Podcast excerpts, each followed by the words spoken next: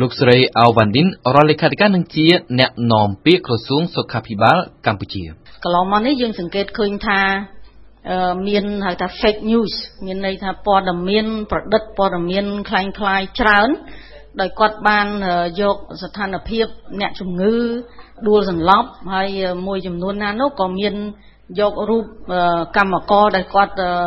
មានបញ្ហាដួលសន្លប់អីជាដើមអញ្ចឹងហើយគាត់យកមកគាត់ចុះផ្សាយថា នឹងគឺជាករណីកូវីដ19 ដែរនោះចាអញ្ចឹងខ្ញុំសូមអនុញ្ញាតជំរាបជូនបន្ថែមទៀតថាមុននឹងកើតចេញទៅជារោគសញ្ញា សម្រាប់ឲ្យយើងមានការសង្ស័យនេះ ជាបឋមគឺត្រូវមានវីរុសចូលក្នុងខ្លួនរបស់អ្នកជំងឺ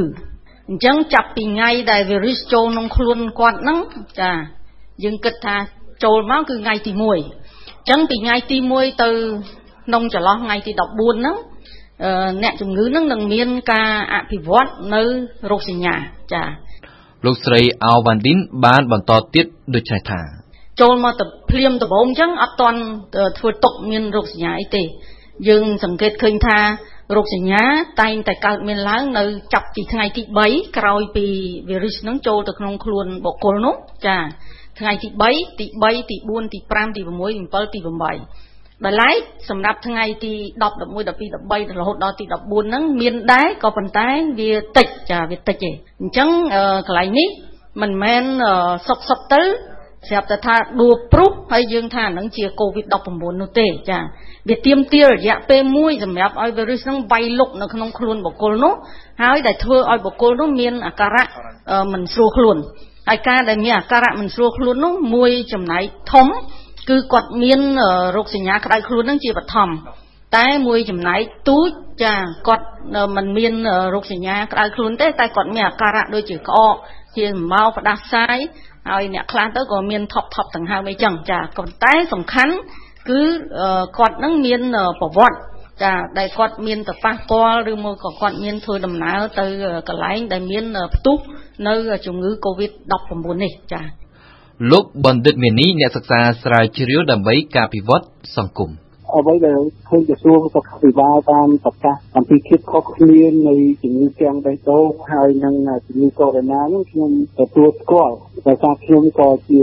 មានចំណេះដឹងខាងផ្សេងទៅណាក៏ប៉ុន្តែមានបញ្ហាខ្វះខាតមួយនៅត្រង់ថាយើងបានត្រឹមតែនិយាយនៅក្នុងករណីនៃការដួលសម្លាប់ ដូចជាការស្លាប់ដោយគាំងបេះដូងស្លាប់ដោយសារអត់អុកស៊ីហ្សែនអីផ្សេងៗហ្នឹងប៉ុន្តែយើងអត់បានបង្ហាញថាតើយើងបានទៅរកមើលពីប្រវត្តិជំងឺហ្នឹងឬពីមុនមកយ៉ាងម៉េចយ៉ាងម៉េចអីយើងតែអត់មានឃើញឃើញបានបង្ហាញតែចឹងទៅធ្វើឲ្យពលរដ្ឋមាន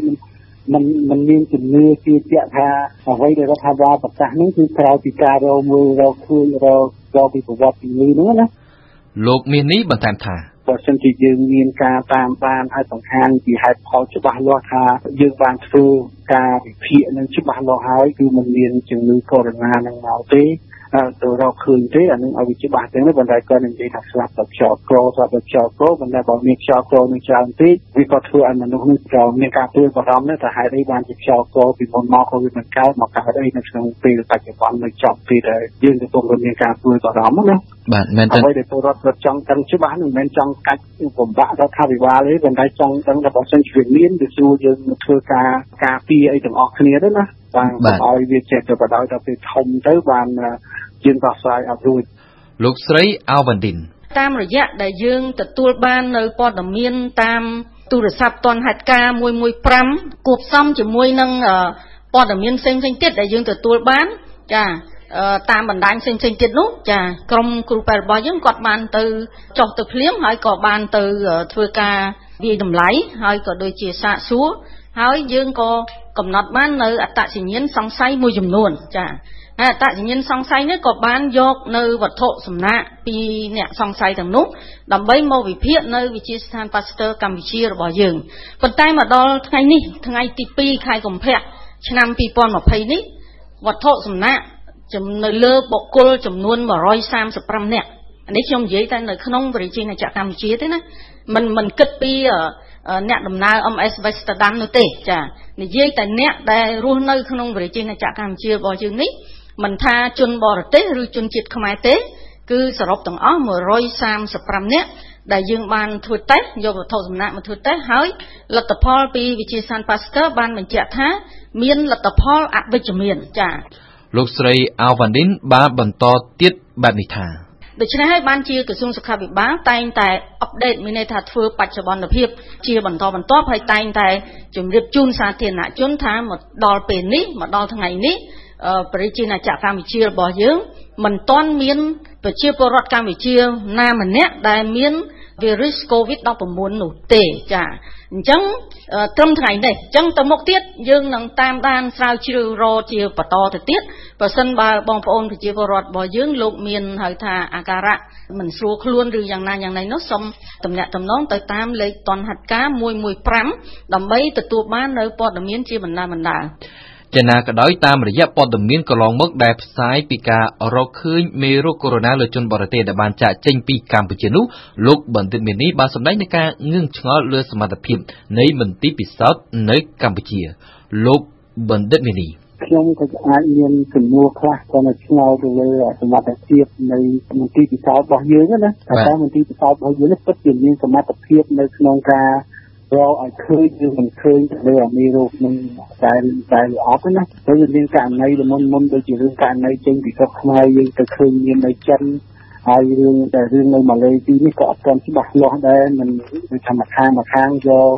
យកទៅរៀងខ្លួនណាខាងម៉ាឡេទីនេះគេនិយាយថាជំងឺនេះចាស់ស្បើយប៉ុន្តែខាងយើងថាគេនេះធ្វើរោគវិនិច្ឆ័យខុសអញ្ចឹងទៅ តែជំនឹងធ្វើឲ្យឲ្យពលរដ្ឋយើងនោះអត់ទុកចិត្តរដ្ឋាភិបាលហើយរឿងអត់ទុកចិត្តនេះវាមានតាំងពីដើមមកព្រោះអីប្រព័ន្ធផ្សព្វផ្សាយនេះ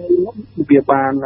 ធ្វើឲ្យយើងមានផលប៉ះពាល់ទៅដល់ការទុកចិត្តនេះរវាងពលរដ្ឋនឹងតាំងពីដើមមកដូចយើងឃើញស្រាប់ហើយថាសប្តាហ៍ថ្ងៃហ្នឹងពលរដ្ឋណាដែលគេមិនពេញចិត្តនឹងប្រព័ន្ធផ្សព្វផ្សាយរដ្ឋហ្នឹងគឺគេមិនទាំងស្ដាប់គេមិនអីផងអញ្ចឹងណាអានេះវាជារឿងមួយដែលរដ្ឋាភិបាលគួរតែពិនិត្យពិនិត្យមើលឡើងវិញថាតើខ្លួនតែធ្វើអីខ្លះដើម្បីឲ្យពលរដ្ឋមានទំនុកចិត្ត ឆ្លើយតបនឹងការងឿងឆ្ងល់របស់លោកបណ្ឌិតមាសនេះនេះលោកស្រីវិជ្ជបណ្ឌិត Laurent Barrel នាយិកាវិទ្យាស្ថាន Pasteur កម្ពុជា បានបកស្រាយយ៉ាងដូចនេះថា We are using uh, two techniques that are uh, សម្រាប់ជាសាស្ត្រ Pasteur កម្ពុជា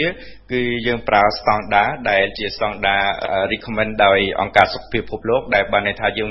ធ្វើតាម guideline របស់អង្គការសុខភាពពិភពលោកហើយមួយទៀតវិទ្យាស្ថាន Pasteur នៅកម្ពុជាក៏ជាគឺមាន network សម្រាប់បណ្ដាញវិទ្យាស្ថានទាំងអស់ Pasteur ទាំងអស់នៅលើពិភពលោក ហើយយើងមានជំនាញតាក់ទងទៅនឹងការធ្វើតេស្តទៅលើមេរោគជាពិសេសប្រភេទ virus ដែលសម្រាប់ដែលឆ្លងតាមដង្ហើមនៅតែម្ដង ហើយនៅក្នុងខែកុម្ភៈនេះគឺយើងក៏បានធ្វើការបញ្ជូននៅជួយគ្រប់គ្រងទៅដល់ផ្នែកបច្ចេកទេសនេះទៅដល់ប្រទេសឡាវផងដែរហើយយើងទន្ទឹមនឹងដែរយើងបានធ្វើការជាមួយក្រសួងសុខាភិបាលជាពិសេសខាងយុវធម្មយុទ្ធជំងឺឆ្លងនិងជាសានសុខភាពសាធារណៈដើម្បីជួយពង្រឹងទៅដល់ដើម្បីផ្ទេរនៅបច្ចេកទេសនេះទៅដល់ជាសានជាសុខភាពសាធារណៈក្នុងការធ្វើតេស្តបន្ថែមនៅពេលករណីដែលចាំបាច់ Technological transfer of the method to NIPH within the MOH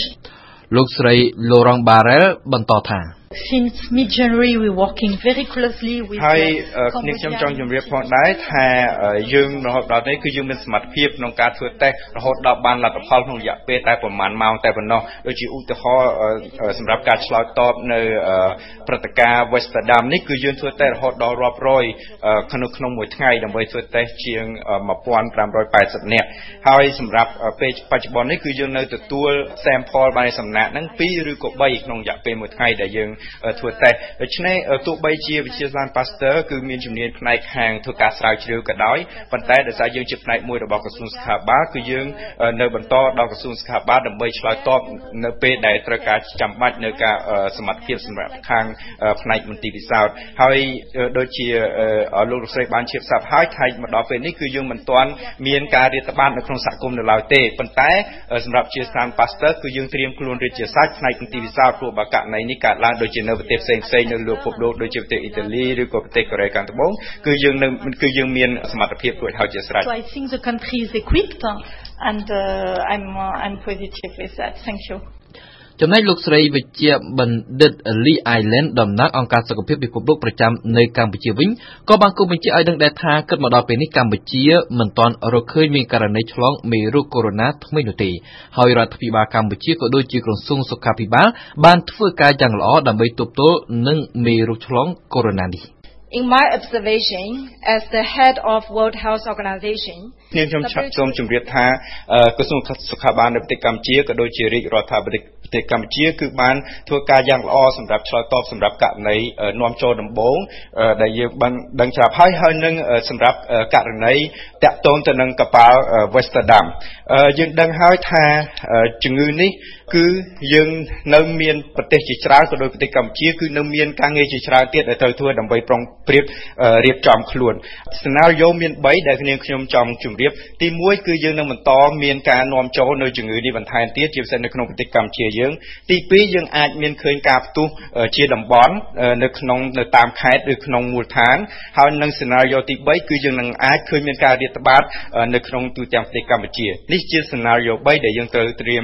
រៀបចំខ្លួនដើម្បីទប់ទល់ And the scenario 3 large scale outbreak លោកស្រី Lee Island បានបន្ថែមទៀតថា May I add one more thing I think preparing for នេះខ្ញុំចង់ជម្រាបថាការត្រៀមរៀបចំខ្លួននឹងការឆ្លើយតបសម្រាប់ជំងឺរាតត្បាត COVID-19 នេះគឺសម្រាប់ scenario ដែលថាមានការរាតត្បាតជាលក្ខណៈទូលំទូលាយនៅក្នុងសហគមន៍គឺត្រូវការចូលរួមពីគ្រប់ស្ថាប័ននិងគ្រប់ទាំងសហគមន៍ផងដែររួមទាំងអ្នកសារព័ត៌មានផងដែរអ្នកសារព័ត៌មានទី1គឺអាចផ្ដល់នៅព័ត៌មានដែលជាព័ត៌មានពិតដែលជាព័ត៌មានផ្អែកទៅលើភស្តុតាង ហើយក៏មិនមែនផ្ដល់នៅព័ត៌មានដែលជាលក្ខណៈចចាមរាមដើម្បីបង្កើតជាការភ័យស្លោតតក់ស្លុតសម្រាប់សហគមន៍ហើយសម្រាប់សហគមន៍ផងដែរគឺមានទួនាទីក្នុងការចូលរួមសម្រាប់ប្រយោជន៍ឆាំងដូចជាត្រូវរក្សានៅអនាម័យជាពិសេសអនាម័យដៃហើយជាពិសេសគឺរក្សាអនាម័យផ្លូវដង្ហើមដូចជាពេលក្អកត្រូវពាក់ម៉ាស់ត្រូវខ្ទប់មាត់ឬក៏ច្រមុះហើយនឹងជាពិសេសគឺជៀសវាងទៅកន្លែងទីកន្លែងដែលទីប្រជុំជនដែលអាចធ្វើឲ្យមានការឆ្លងរាតត្បាតលឿនចំពោះជំងឺនេះអង្គការសុខភាពពិភពលោកនៅតែបន្តជួយបន្តគ្រប់គ្រងដល់ក្រសួងសុខាភិបាលនិងធ្វើការជាមួយដៃគូអភិវឌ្ឍទាំងអស់នៅក្នុងប្រទេសកម្ពុជាដើម្បីត្រៀមរៀបចំខ្លួនសម្រាប់ទប់ស្កាត់នៅការរាតត្បាតមេរោគ COVID-19 នេះ to make sure that Cambodia is better prepared thank you